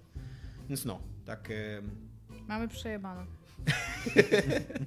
Trochę tak, trochę tak. On w ogóle też bardzo ciekawe rzeczy pisze o chorobach psychicznych. Pisze, że e, plaga chorób psychicznych, depresji i em, zaburzeń a, dwubiegunowych, że to jest, że, że jego zdaniem to wynika właśnie z kapitalizmu, z tego, jak jest urządzony porządek społeczny i że co więcej, to jest, że, to jest, e, że, że to jest tragiczne, bo jednocześnie choroba izoluje cię społecznie, więc nie, do, nie że, więc y, jakby całe napięcie, jakby depresje wynikające takie z napięci społecznych, napięć społecznych i tak dalej, to nie jest w ogóle wina chorego, ale jednocześnie, ale choroba jeszcze bardziej izoluje go od społeczeństwa, co nie? I jeszcze ja jakby do to tego jest... podeszła bardzo sceptycznie, bo to brzmi jak on by nie posługiwał się jednostkami medycznymi tych chorób, tylko ogólno przyjętymi Tak. wyro- On, on pojęciami. trochę tak, jest, jest trochę taka płytkość tej, tej refleksji, ja się zgadzam, ale on tam też, przede wszystkim on cierpiał na depresję, więc ja trochę wierzę, że on coś wiedział tak medycznie, Znaczy, to jest tak, to jeżeli chodzi o izolację społeczną, tak, ale jakby nie sądzę, że so, sądzę, że to nie jest tak, że w tym momencie tych przypadków depresji jest więcej, tylko jest więcej zdiagnozowanych przypadków depresji. Też o tym, tak, też, też mi coś takiego przeszło przez myśl, więc y, tak, możliwe, że tak jest. No. A jakbyście chcieli taki skrót, y, y, nie czytać tego eseju, tylko przeczytać taki trochę, obejrzeć taki trailer y, tej, tej myśli, to jest taki esej Adama Curtisa y, Hypernormalization. On był kiedyś na YouTubie dostępny, taki esej wideo. E, I w ogóle i właśnie Fisher też się przyjaźnił się chyba z Curtisem, oni tam się znali, więc mieli po- podobne podejście do rzeczywistości. Więc Jak wam się spodoba ten esej, to przeczytajcie później. Dominik przez ostatnie 20 minut. Nie, miejscami wydawał się wkręcony. Brzmi to interesująco, brzmi to Tak, ale- interesująco, tylko... Tylko ile można? Pogadajmy o greczkach. No to dajesz swój temat. Mi- Microsoft oficjalnie zapowiedział Xboxa Series S, o którym y, wiedziano już od dawna i mówiono już od dawna, do tego stopnia, że Digital Foundry y, y, opublikowało swój materiał, który mieli nakręcony od marca, bo byli w Microsoftie, Microsoft im pokazał tą konsolę, wtedy nagrali materiał, który mieli gotowy, żeby po prostu puścić Microsoft to oficjalnie ogłosi. To było tak, jakby każdy o tym wiedział. Y, Były już ze 3 czy 4 wycieki na temat tej konsoli. Jej nazwa y, i kodowa Lockhart i ta, y, że S już się w paru miejscach pojawiła. Na napadach, które trafiły do sklepów, że było kompatybilne z Xboxem X przez S, czy tam kreska S. Więc no jakby po kolejnym wycieku już jakby ktoś w Microsoftie stwierdził, że dobra, już pieprzyć to. Jakby to, co mówiłem w zeszłym tygodniu, że to jest taka śmieszna sytuacja, że oni nie chcieli ogłaszać tej konsoli, bo... Oni mają wszystkich typów od tych wiadomości, to są tacy starzyści i siedzi taki jeden typ i powiedział, dobra, sprawdźcie branding wszystkich rzeczy, żeby nie było żadnych przecieków. I po prostu za tym przeciek to on tak siedzi. I, jest taki montaż, jak on jest najpierw tak e, dobrze ubrany, tam uczesany, jest coraz bardziej roztrzepany, okulary ma krzywe, e, krawat ma taki coraz bardziej, a na samym końcu już ma podwinięte te od koszuli, ściągniętą marynarkę i tak się po prostu patrzy i wzdycha i jest, ci internci stoją za nim i on mówi fuck it, enter. Y, I, I oni, tak jak mówiłem tydzień temu, że oni nie chcą ogłaszać tej konsoli, bo jakby głównym, główną cechą tej konsoli ma być to, że, ma, że będzie tańsza od y, Xboxa Series X, E, a nie mogą, nie mogą tego zrobić, znaczy nie mogą powiedzieć jej ceny, nie podając jednocześnie ceny Xboxa Series X, żeby pokazać jaka jest różnica, jakby o ile ona jest tańsza. Wybrali sobie tak, że nie podali, że jednak okazało się, że można, że po prostu podali tylko cenę tego tańszego Xboxa, nie ogłaszając jeszcze ceny Xboxa Series X, czyli ciągle ten taki staring contest, że pan Microsoft i pan Sony stoją, nie mrugają oczami, patrzą na siebie, trwa. Jakby ciągle nie wiemy, ile będą te prawdziwe nowe konsole kosztować. Wiemy, że nowy Xbox, ten tańszy, będzie kosztował 299 dolarów. W Polsce będzie to ozna- oznaczać, jeżeli to, że pamiętam, 1350 zł. Eee, Też tak pamiętam. I jest to, jest to dobra cena. Jakby Ale ta Ale. konsola jest tylko cyfrowa. ona jest tylko cyfrowa, yy, co jakby ja trochę nie rozumiem tego, mm, tego jakby, bo ona mi, tak, może tak, najpierw różnicę, żeby, żeby jakby wiedzieć, o czym rozmawiamy. Yy, ma mniej RAMu, yy, mniejszy dysk, 500 giga zamiast 1 tera, też SSD, taki sam procesor, yy, słabsza karta graficzna. Yy, Microsoft sprzedaje to tak, że funkcjonalnie oznacza to, że Xbox Series X będzie odpalał gry w 4K i 120 klatkach, Xbox Series S maksymalnie w 1440p i też do 120 klatek. Czyli de facto oni sugerują, że jedyna e, różnica pomiędzy tymi konsolami będzie w jakości wyświetlanego obrazu, ale nawet nie, z tego co ja rozumiem ich przekaz, nawet nie e, w ten sposób, że te gry będą e, jakieś miały, nie wiem, gorsze efekty, czy że one będą gorzej wyglądać, tylko że po prostu będą, mm, po prostu mniejszy ten obraz będzie, tak? Czyli po prostu jak masz mniejszy telewizor, to mm, jakby takim, takim idzie przekaz według mnie, że jeżeli masz mniejszy telewizor albo starszy telewizor, który nie obsługuje tych najwyższych rozdzielczości, to tak naprawdę możesz wziąć Series S i będziesz miał to samo. Jestem bardzo, bardzo sceptycznie nastawiony do, Absolutnie w to nie wierzę. do tych, do tych Tak. zapewnień, szczególnie, że mieliśmy już takie zapewnienia, dokładnie takie same zapewnienia, kiedy wchodziły te mocniejsze konsole konsoli. czyli Xbox One X i e, PlayStation 4 Pro, że, że to one będą właśnie służyć do, do grania w 4K. Dokładnie taki był przekaz, że one będą do grania, do, służyć do grania w 4K, ale to nie znaczy, że te gry na starych konsolach zaczną chodzić źle. A I, potem wyszło Control, I prawda? co się stało? I wyszło Control, i wyszły Gearsy, i wyszło też pewnie wiele innych rzeczy, w których ja nie grałem i nie, nie zauważyłem tego, ale no, powszechnie się już, już czuć po prostu, że ten Xbox One, że to już nie jest ja. Dobra, okej, trzy kroki wstecz, to są pewne rzeczy, o których nie mogę powiedzieć. Ale istnieje, mogę powiedzieć bardzo ogólnie, że jestem przekonany, że wielu twórców gier już traktuje PlayStation 4 Pro i Xboxa One X jako ten, y, na to te gry są robione. One nie są robione na te stare konsole i plus, a później do, do, coś dodawanego jest na nowe, tylko jest robione, na te nowe, a później się kombinuje, żeby, żeby coś tam odjąć, coś tam wyjąć, y, że- żeby jeszcze na tych starych podziałało. Więc tak, więc ja na te zapewnienia totalnie nie wierzę. Yy, przy okazji już, już się jakby nie trzeba było długo czekać, wystarczyło parę dni poczekać, żeby zobaczyć, że mój sceptycyzm jest uzasadniony, bo dzisiaj już czytałem newsa o tym, że gry we wstecznej kompatybilności, które, m, które Microsoft zaoferuje z usprawnieniami e, na nową konsolę, e, nie będą miały tych usprawnień na Xboxie Series S. Czyli dostaną usprawnienie na Xboxa e, Series X, e, a nie będą miały tych usprawnień na Xboxie Series. I nie chodzi tylko o rozdzielczość, ale również na przykład o HDR. Czyli już się okazuje, że no to nie do końca tak, że, że tylko trochę mniej klatek może i trochę mniejsza rozdzielczość. Ale na przykład nie będzie HDR-u, ale na przykład nie będzie lepszych tekstur, ale, na przykład nie będzie czegoś tam. Więc, y, więc to mówię. Bardzo jestem sceptyczny i bardzo bym miał sam y, opór, żeby kupić tą konsolę.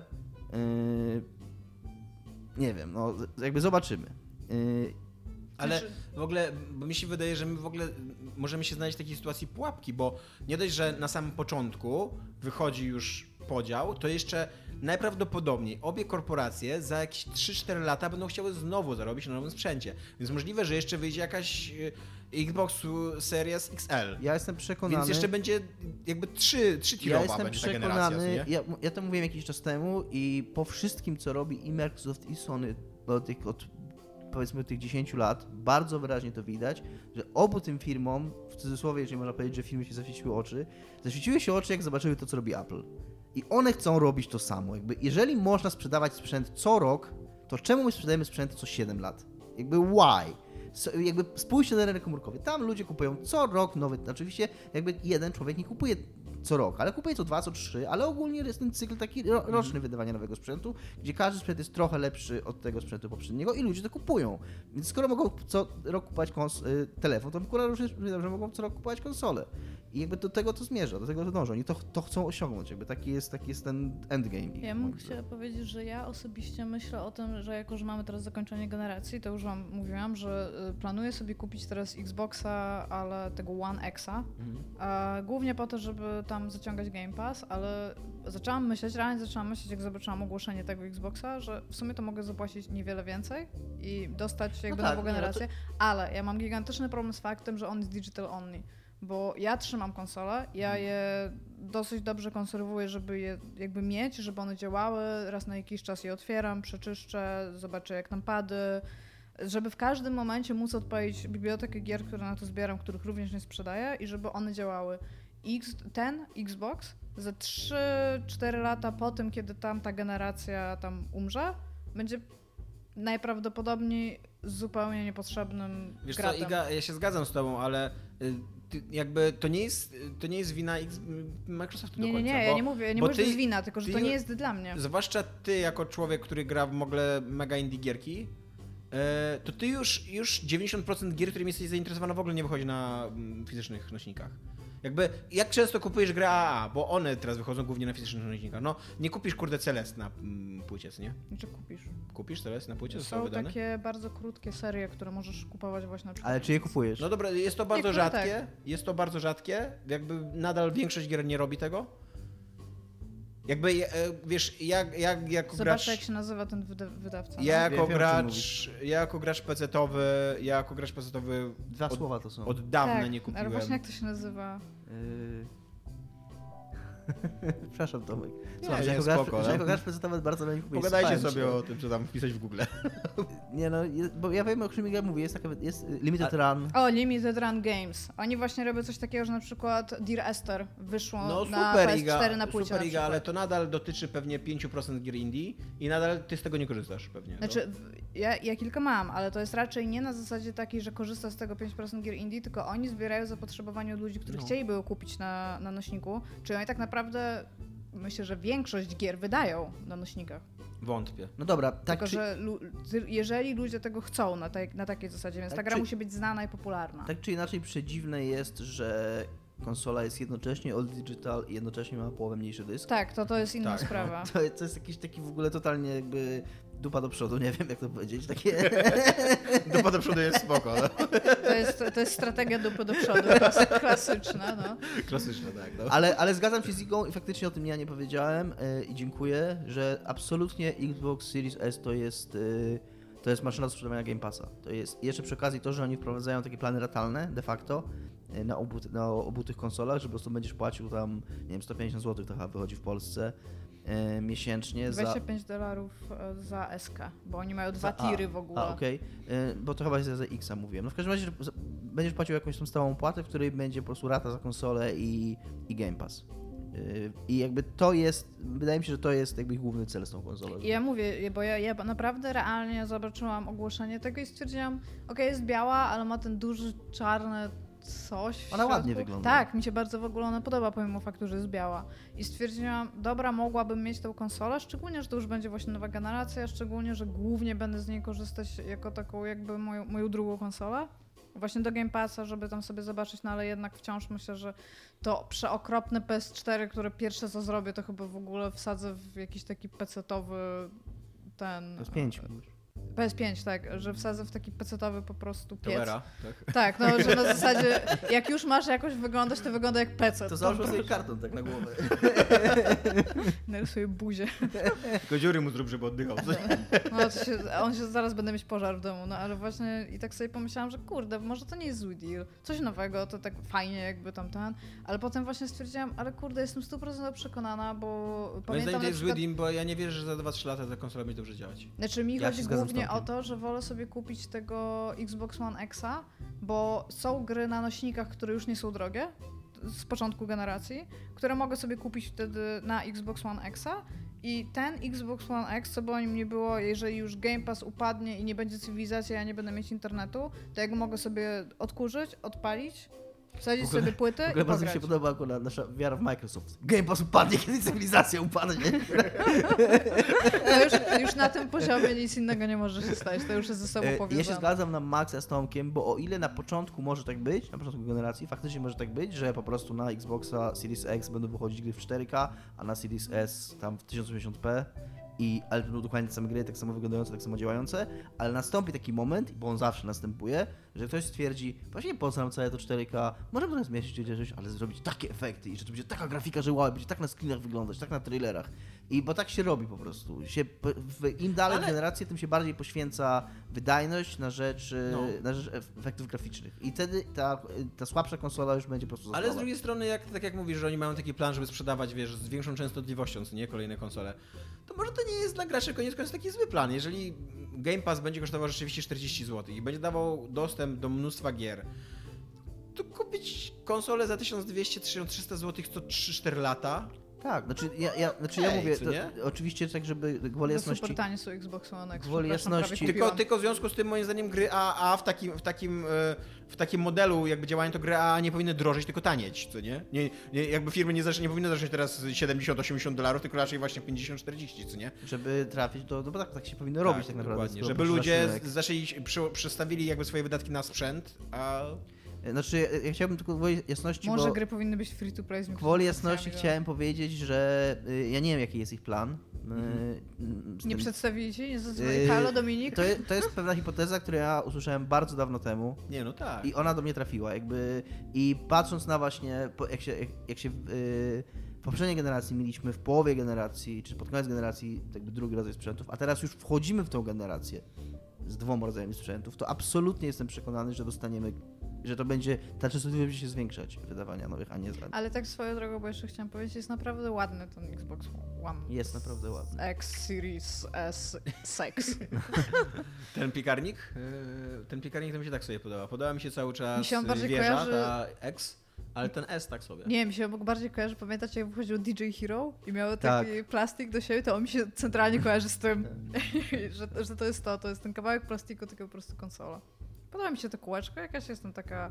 Mi, miłe uczucia mnie złapało, jak to zobaczyłam, nawet pomimo faktu, że to jest biała konsola, a jak wiemy, nienawidzę białych konsol. Właśnie W ogóle nie tak- widzisz białych ludzi. Nie skomentuję. Mi się tak sobie podoba. Mi się podoba ten, ta czarna wieża, nie? Ale tam wiesz, no. No, literalnie przy tym, co pokazało Sony, to tam e, jakiś e, projektant z Microsoftu mógłby nasrać, po prostu powiedzieć taką zrobimy konsolę, a wszedłby dyrektor wciąż ładniejszy niż PS5, co nie? Tam bierzemy, kurde. Dać temu człowiekowi premię. Wow. Właśnie chciałam powiedzieć, że tam ty, ty możesz sobie teraz zorganizować całą przestrzeń mieszkalną pod PlayStation 5 ja teraz nie mam jak tego zrobić. Ale już tak e, w ogóle tak ostatnio patrzyliśmy, bo e, kupowaliśmy stolik taki RTV, w sensie pod telewizor i tak się nawet zastanawialiśmy, czy, czy, czy może jak przesuniemy telewizor do przodu, to on może być z tyłu. I I, sobie, kurwa, I wyburzymy tą ścianę. tak. A może będziemy trzymać konsolę u sąsiada, będziemy mu płacić za to, że on będzie na nią patrzył codziennie? Co nie? Jeszcze tylko szybko, szybko kończąc ten temat, bo o tym też miałem powiedzieć, że pojawiły się plotki o tym, że... A, jest data, 10 listopada dla Xboxów. A pojawiły się plotki, że PlayStation 5 nie wyjdzie jednocześnie na całym świecie i się przygotowałem w związku z tymi plotkami i nie było generacji... Pojechałeś do Japonii? Nie, nie było generacji w historii marki PlayStation, żeby konsole wyszły wszystkie w tym, w tym samym No regionie. właśnie też mi się tak wydawało. Od samego tylko- początku. PlayStation 1, 3 grudnia 94 Japonia, 9 września 95 USA, 29 września 95 Europa, listopad 95 Australia. Pra- Prawie rok wychodziła ta konsola. Od y, gru, grudzień 94 w Japonii, listopad 95 w Australii. PS2, marzec w Japonii, listopad w Europie i Australii. E, październik w USA. PS3, listopad w Japonii, listopad w USA, dwa tygodnie, tydzień później, marzec w Europie i Australii. I co ciekawe, PS4 wyszło w listopadzie w USA, pierwsze w USA, To, I też czekaliśmy. 29 Dlaczego? listopada w Europie i Australii, dwa tygodnie czekała Europa, Japonia do 22 lutego. List- yy, Zaskakująco PS4 wyszło w Japonii najpóźniej. No tylko właśnie też mi się tak wydawało, bo ja stricte pamiętam, że pamiętam, że Tak. na premierze byłam na urlopie, pamiętam, że stwierdziłam, o już wyszło i mogłam kupić azjatyckie wtedy PlayStation, ale stwierdziłam, to będzie bez sensu in the long run, więc poczekałam, co więcej poczekałam, bo wiedziałam, że wyjdzie też jakby odświeżona wersja podstawowa za chwilkę po premierze, bo tak też zwykle robi Sony, więc poczekałam na to ten i wtedy kupiłam jakby to najświeższe PlayStation, jakie wyszło. Więc tak, więc jakby mnie, mnie dzi- dziwi zdziwienie, że, że jakby są plotki teraz, ojej, co to będzie, może PlayStation nie wyjdzie naraz wszędzie. Jakby to jest coś, co Sony zawsze robiło.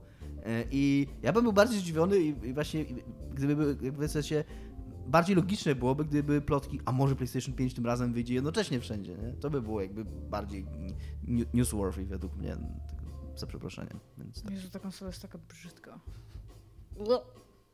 E, podobne, e, podobną strategię chyba chce przyjąć trochę Nintendo, bo intensyfikują się plotki o Switchu Pro, które już od roku mniej więcej krążą. Miał Switch Pro razem ze Switchem Lite'em, ale okazało się, że to nie był żaden Switch Pro, tylko to był zwykły, podstawowy e, Switch trochę usprawniony, ale tam jakby nie, nie wpłynęło to w żaden sposób na wygląd gier czy, mm, czy wymagania ich.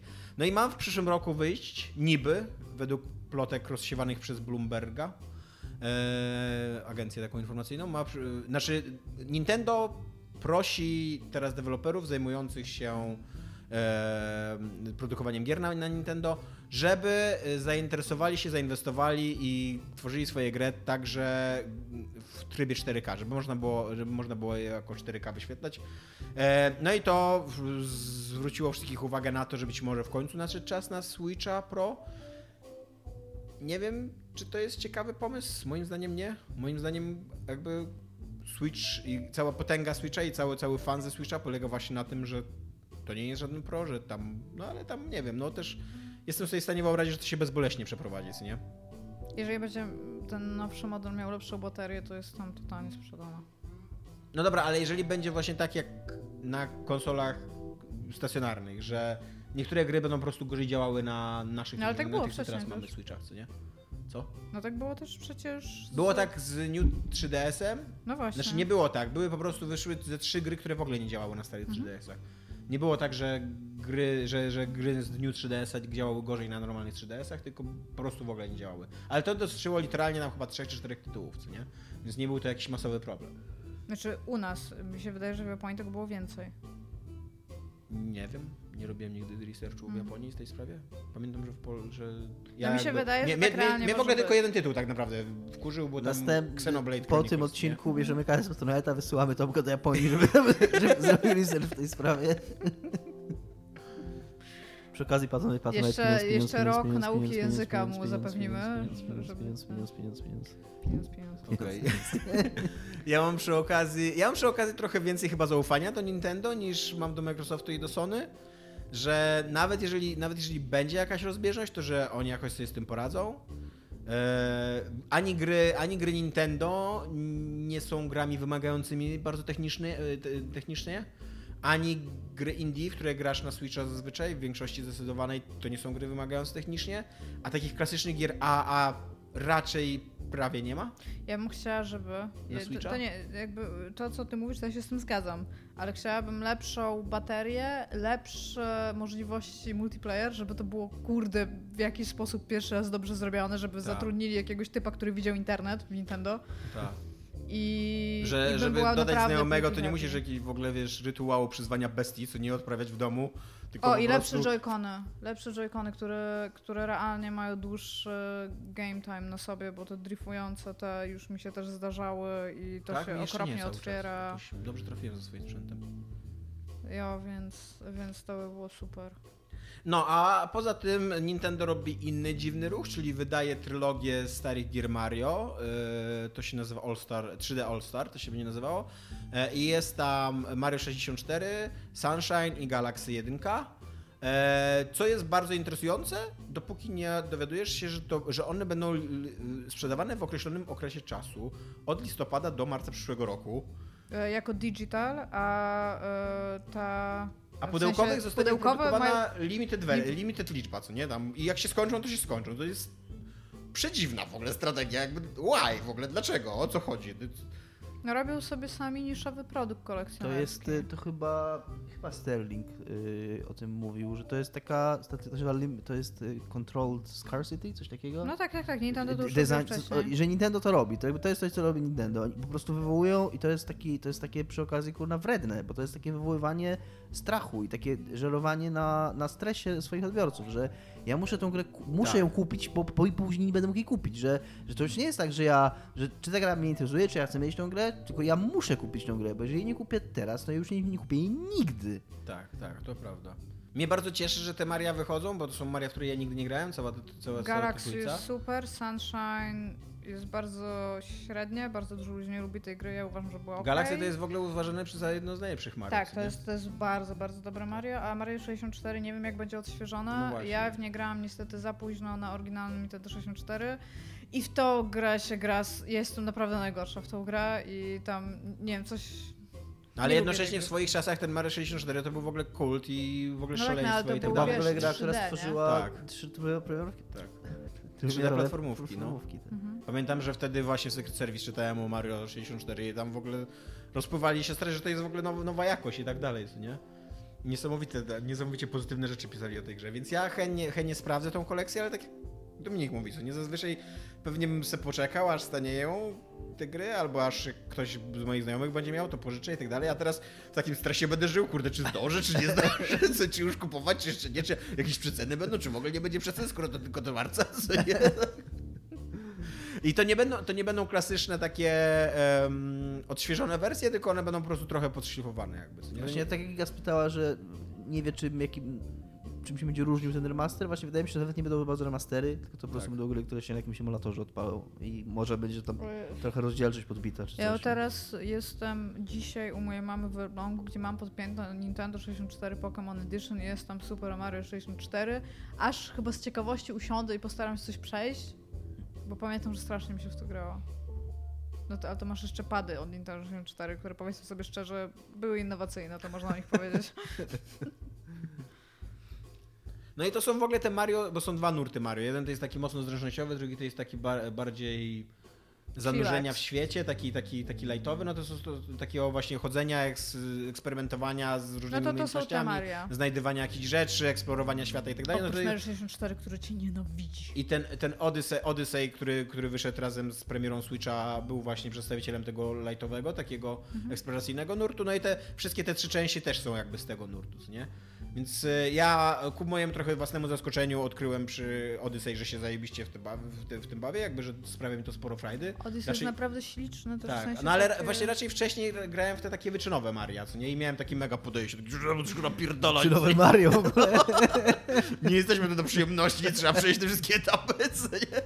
A, a, a przy Odyssey się bawiłem bardzo dobrze, więc cieszę się. I cieszę się, że będę mógł w Mario 64 właśnie, bo mówię, mam wryte w głowie, że to jest taki kult klasy, który trzeba poznać, co nie? Myślę, że to będzie takie rozczarowanie jak Myślę, Myślę, że Ocarina tak. of Time. Myślę, że tak, zwłaszcza, że mam, zwłaszcza, że mam Mario 64 na 3DS-a. E, odpaliłem go kiedyś na 10 minut, stwierdziłem, że nie da się grać w tym. więc tak, więc możliwe, że tak będzie. No ale w każdym razie będzie tam też Mario Galaxy, więc, które jest pewnie super i jest, Jest już w super. miarę nowe, co nie, więc No tak. będzie pewnie dużo lepszym doświadczeniem. No. Iga, go. CD Projekt Red, firma, która jest większa od Orlenu, McDonalda i e, wszystkich pieniędzy Trumpa najprawdopodobniej. A powiedziała, e, że w multiplayerze, o którym wcześniej, e, bo wcześniej wiedzieliśmy jedną rzecz, że będzie multiplayer i będzie później. Bo tutaj już podali, nie, nie wiem czy ta informacja ukazała się wcześniej, czy dopiero w tym newsie, ale że najprawdopodobniej po 2021 będzie dopiero multiplayer. Bo tak, tak, tak przeczytałam. A będą mieć mikrotransakcje i teraz e, CD Projekt robi to, co CD Projekt robi najlepiej. E, Stworzył narrację, w której my się powinniśmy cieszyć, że są te mikrotransakcje, ponieważ, e, jak to określili, mi się bardzo podobało, oni, oni szanują pieniądze swoich fanów i graczy, którzy zakupią ich grę i stworzył system, w którym będziemy odczuwać wartość tych pieniędzy, które wydamy i będziemy chcieli je wydawać. I tak, wow. Jakby to jest chyba coś, co robią wszystkie Dokładnie, firmy. też tak właśnie miałem takie, że To jest to, do czego dążą, tylko nie mówią o tym jakby na głos, tylko jakby Tak. robią te rzeczy. A przy okazji też taki mieli spin y, PR-owy, że dotrzymujemy słowa, w singlu nie będzie mikrotransakcji, tak. No dobra, mówiliście wcześniej, być może nawet zastrzegaliście, że w, singlu nie będzie mikrotransakcji, ale tak trochę wszyscy przyjmowali, że wolę nie będzie mikrotransakcji, co nie? No tak, tak, tak. A teraz tak, ale czy słuchaliście uważnie w naszą obietnicę? Jakby tak, to to, że w singlu nie będzie mikrotransakcji, to tam jakby good on you. Zostawmy to jako element zero, a nie chwalmy się tym. To jest, to jest tam raz i tutaj EA i Ubisoft patrzymy się na was. A w każdym razie, no jakby news jest taki właśnie, że mikrotransakcje będą i co więcej, jakby można przeczytać wszystkie rzeczy, które wychodzą z PR-u i marketingu CD Projektu i to jest w takim samym tonie. To jest na zasadzie tak jakby, jakbyście kręcili taką reklamę, że typ naprawia samochód i tam pod, podwija rękawy, jest cały umazany w tym i mówi jestem taki jak wy, też naprawiam własny samochód. I mniej więcej to jest to, jest to co robi CD Projekt, tam spoko. A, natomiast e, jakby zaczęłam czytać komentarze pod newsami a propos tego, bo to jest moim zdaniem dużo bardziej interesujące. I komentarze są po prostu podzielone, tak mniej więcej robiąc moje krótkie badanie jakościowo-statystyczne, czytałam jakieś 300 czy 400 komentarzy. Naprawdę przeczytałeś 400 komentarzy w ogóle? Tak, no. Jezus, nie wiem, czy ja w ogóle w całym swoim życiu przeczytałem 400 komentarzy pod artykułami. I, e, I ludzie są tak jakby pół na pół. Znaczy, co, jest dla mnie zaskakujące, dużo więcej ludzi jest na zasadzie not cool, CD Projekt. I okej, to są serwisy e, zagraniczne. Widzicie, właśnie za takie dziennikarstwo płacicie na patronacie. To jest, to jest poświęcenie, na które zdobywacie Iga, żeby, żeby w odcinku przemawiać. Przeczytać No. 400 komentarzy pod artykułem. Jo, Tomek- bo też z Tomek wycieczka do Japonii i gala śmietnik. dużo. grzewać w komentarzach. No. No dobra, przerwałem ci. No i tam jest, e, tych komentarzy jest w ogóle dużo, pod wszystkimi tymi newsami, jeżeli sobie przejrzycie tam jakieś Video Games 24.7 albo Eurogamera, no to, bo, bo wszędzie się pojawił ten news jakby, nie? Więc e, jest dużo komentarzy, jest co czytać, tylko starałam się nie czytać komentarzy pod komentarzami, bo jakby to, to już... Ten, No dobra, i są dwa obozy. tak, no. są dwa obozy. Większość ludzi jest na zasadzie not cool, CD Projekt. Jakby wierzyłem w was, ale to jest e, jakieś już takie drapieżnicze coś, znaczy w sensie predatory, to co wy robicie w tym momencie i to mi się nie za bardzo podoba. Drapieżnicze. Predatory. No preda- no, Drapieżne, no drapieżna polityka. a, okej, no. no. I ten. A, a połowa jest like, e, dobra, jak robi to EA, to oni nie są w porządku, ale to robi CD Projekt, więc to jest super i się nie mogę doczekać, bo na pewno te kosmetyki będą fajniejsze. I ja tak siedzę i tak. What? Czy giełda zareagowała entuzjastycznie? E, giełdę nie sprawdzałam, bo siedziałam w komentarzach. nie no, e, wydaje mi się, że w, że w tym momencie te skoki jakby... Skoki giełdowe CD Projektu w tym momencie są takie ni fajne do śledzenia, ni niefajne do śledzenia, bo ona po prostu zachowuje się po tych takich skokach, co było widać, że one były mocno e, jakby sterowane przez CD-ów, czyli e, no był ten BIP, tak, który był wtedy potrzebny. Teraz ogłosili tą, e, tego mobilnego Wiedźmina, który ja nie wiem dla kogo on jest i po co on jest. Ja nie wiem, no być może to będzie najfajniejsza gra AR ever, ale my wciąż nie możemy wychodzić z domu co do projekcie. Nie no, możemy wychodzić z domu. No możemy wychodzić z domu, ale no jakby... Właśnie na spacery jak najbardziej. Ale może... pa- Pamiętacie jak wyglądało Pokémon Go, kiedy przez krótki czas y, w ogóle XXI wieku wszyscy byli szczęśliwi. To był jedyny krótki czas tego. Kiedy ludzie zbierali się w Central Parku tam setkami i gonili Pokémony, może to nie jest najlepsze, żeby teraz robić to... Z... Nie wiem, ta gra w ogóle... Ja, ja nie wiem, czy widzieliście Może wiesz, tej Wiedźmini gry. to są samotnicy, więc może ona będzie miała taki nacisk Tak. właśnie, żeby samemu spacerować. Nie. Że tu jest w okolicy za dużo Wiedźminów, wszystkich potwory w ogóle wymarły, co nie? Znajdź bunkier gdzieś w głębi lasu i tam dopiero znajdziesz strzygę. Dobra, powiedzcie mi, moi drodzy, czy widzieliście trailery tej gry i gameplaye? Nie. No bo ja, ja, one wyglądają jak gracie w gry na komórki, które mają reklamy pomiędzy sobą, y, tam w sensie na przykład, żeby tam odświeżyć coś albo ten, to są zwykle takie hiperrealistycznie wyglądające postaci, które są totalnie bardzo brzydkie i wyglądają jak zakładek kart graficznych kiedyś, które na przykład się biją i mówią haha, to jest gra, w którą zagra i potem masz taki element gameplayowy, który w ogóle nie wygląda jak ta postać. To cały Wiedźmin wygląda jak te pierwsze postaci, jakby takie bardzo realistyczne rzeczy, które się dzieją, a które w ogóle nie wyglądają na coś fan. Może, może nie jestem targetem po prostu. Więc te rzeczy są mo- mocno podbijające giełdę, a poza tym ta giełda ulega taki, to się fluktuacja. Jest taki, taka trochę sinusoida na zasadzie. Czasami opada, czasami jest wyżej. Zobaczymy. Tak naprawdę to, co nas interesuje, to ile będzie wart rok po Cyberpunku, mniej więcej mi się wydaje. To jest ten moment, kiedy. Czy wierzymy cały czas, że Cyberpunk wyjdzie w tym roku? Kiciński ostatnio powiedział, e, nie, mm, chyba spytany po, podczas, e, nie pamiętam, nie chcę kłamać, ale, ale powiedział, Wyszedł w Warszawie na balkon i zaczął krzyczeć. powie, powiedział otwarcie, tak w ciągu ostatniego tygodnia czy coś takiego, że nie będzie więcej przesunięć i że data zostanie dotrzymana. Oni też e, w tych swoich wcześniejszych oświadczeniach mówili, że gra jest skończona i jest w fazie testu. Wydaje mi się, że jeżeli prezes spółki giełdowej oficjalnie wypowiada się na dwa miesiące przed premierą, że nie będzie opóźnień i chce być poważnym człowiekiem, no to nie jest, to nie wyszło z ich PR-u, to nie wyszło z ten, to powiedział Kiciński osobiście. To, to raczej wydaje mi się. A, jeszcze będzie. mi się podobało w komentarzach, bo to też jest takie fajne, e, że ludzie usprawiedliwiają sobie te mikrotransakcje i mówią, że być może te mikrotransakcje będą mieć sens, ponieważ na pewno ten multi będzie bardzo fajny, pomimo tego, że większość ludzi e, też zapomniało, że w ogóle multi będzie, w każdym razie, że na pewno ten multiplayer będzie bardzo fajny, bo będą mieli go z czego jakby finansować i cały czas ktoś tam przypomina, że być może mogą go sfinansować z gigantycznej sumy pieniędzy, którą zdobędą na tym, że że single jakby sprzedadzą. I teraz jest jeszcze jedna rzecz, bo e, ja nie wiem, ja nie wiem z czego to wynika. Ludzie są bardzo skonfundowani, jeżeli chodzi o to, czy ten multiplayer będzie jakby osobno kupio- kupowany, czy on będzie darmowy. Mi się wydaje, że CDEP nic na ten temat nie powiedział, nie, ale nie raczej. wydaje, że nic nie powiedział. Wydaje mi się, że powiedzieli, że Właśnie, będzie jako że- darmowe aktualnie, nie? Że tak, że będzie, że wejdzie po prostu, jeżeli kupi się singla, bo Tak. ludzie są. No dobra, ale czy będzie można kupić jakby, wiesz, oddzielnie? Aha, to, a to nie wiem, to nie. Ale wiem, że. Nie, nie, nie, to y, jakby według tego, co ja rozumiem, bo zaczęłam trochę czytać tego, co oni wcześniej mówili, tylko mówię, wydaje mi się, że to nie jest na tyle klarownie podane, żeby ludzie to byli w stanie rozkminić i dlatego są skonfundowani. Jest tak, że kupujesz singla i do singla dodadzą ci multi, Tak. ale nie możesz kupić multi. Tak, ja też tak zasadzie rozumiem. musisz mieć podstawową grę. I jakby, no, jeżeli już kupiłeś tego singla, to w takim razie te, mikro, te, te mikrotransakcje są.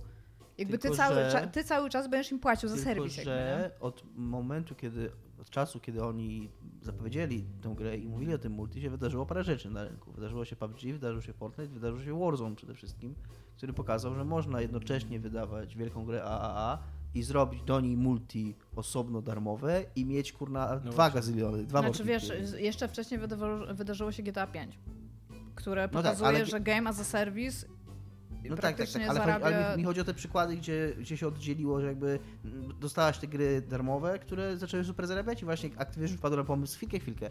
On, jedni robią gry darmowe, drugie, drudzy robią gry płatne, to może zrobimy i taką, i taką i zarobimy jeszcze więcej pieniędzy i to zadziałało. A ja w ogóle tak na marginesie zupełnie nie uważacie, że to jest fascynujące, jak wielkim sukcesem jest GTA Online, jak wielką katastrofą jest Red Dead Online? No. To ta sama firma robi, to jest prawie ta sama gra, co nie? Zastanawiam się, dlaczego tak może być, ale musiałabym dostać dobę, żeby pomyśleć. Wydaje mi się, że wydaje mi się, że tak bardzo powierzchownie, bo ja nie jestem takim analitycznym Setting umysłem jak jest że to jest fantazja po prostu, no, że fantazja GTA jest dużo, dużo taka bardziej nośna. No tak, ale tam prostsza. Red Dead Online tam ma gigantyczne problemy techniczne. Tam ludzie narzekają, że wiele rzeczy nie działa i Ale, ale to jest jakby No, jedno ale wynika... z- kiedy wszedł też Red Dead Online, a kiedy weszło GTA Przypuszczam też, że jedno, jedno wynika z drugiego, nie? Że, że skoro nie, ma, ta, nie zarabia za bardzo i za bardzo nikt nią nie gra, to im się trochę nie chce jej naprawiać i to wszystko jest takie, wiesz, takie robione na ją. No, więc w każdym razie setup się ma dobrze. e, Dopóki nie wyjdzie multiplayer, to tego nie zobaczymy, a i tak i tak kupicie te gry. Tak, mówię do was, mówię do ciebie też mówię, tak? Do mnie Tak. też mówisz, no. No. No, ja kupię Cyberpunka. Nie, nie, w ogóle to, to, nie, ma- to nie będzie mogło być tak, że ktoś z nas będzie mógł nie grać w Cyberpunka. Nie, nie, nie będzie mogło w ogóle tak być. Wiem, wiem. I teraz tak, czy będziemy grać w multi? Pewnie skoro dostaniemy to jako darmowe. CD Projekt ten- po Polsce to w ogóle- pewnie w ogóle jakieś death składy będzie wysyłał do ludzi, którzy nie grają w Cyberpunka? A, jeszcze oczywiście jest bardzo, jeżeli, jeżeli pytacie się mnie, co jeszcze jest w komentarzach, to wam powiem.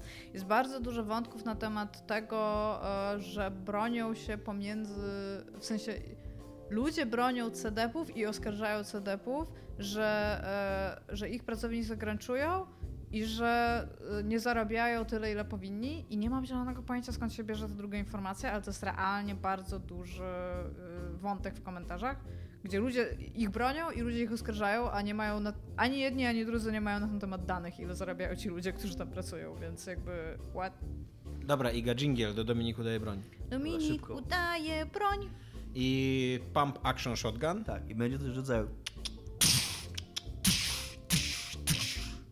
Czemu trzy? Okej. Nie wiem, nie, Musisz co strzał. Udaje broń. co strzał muszę, tak? Tak. No właśnie, bo tak. Chyba, że miał trzy załadowane. Ja się, ja, jestem, ja, się znaję na, ja się znaję na udawaniu broni, a nie na broni. Smooth. Będzie taki moment, kiedy. Jingle wyjściowy, Iga. Już był. No ale w środku, a później Dominik jeszcze raz powtórzył, ty. E, broń udaje Dominik. Broni daje Dominika w ogóle. No dobra, to wszystko na dzisiaj, tak? Cześć. Czy mało jeszcze? Pa. Cześć. Jeszcze mam trochę rzeczy o kapitalizmie do powiedzenia.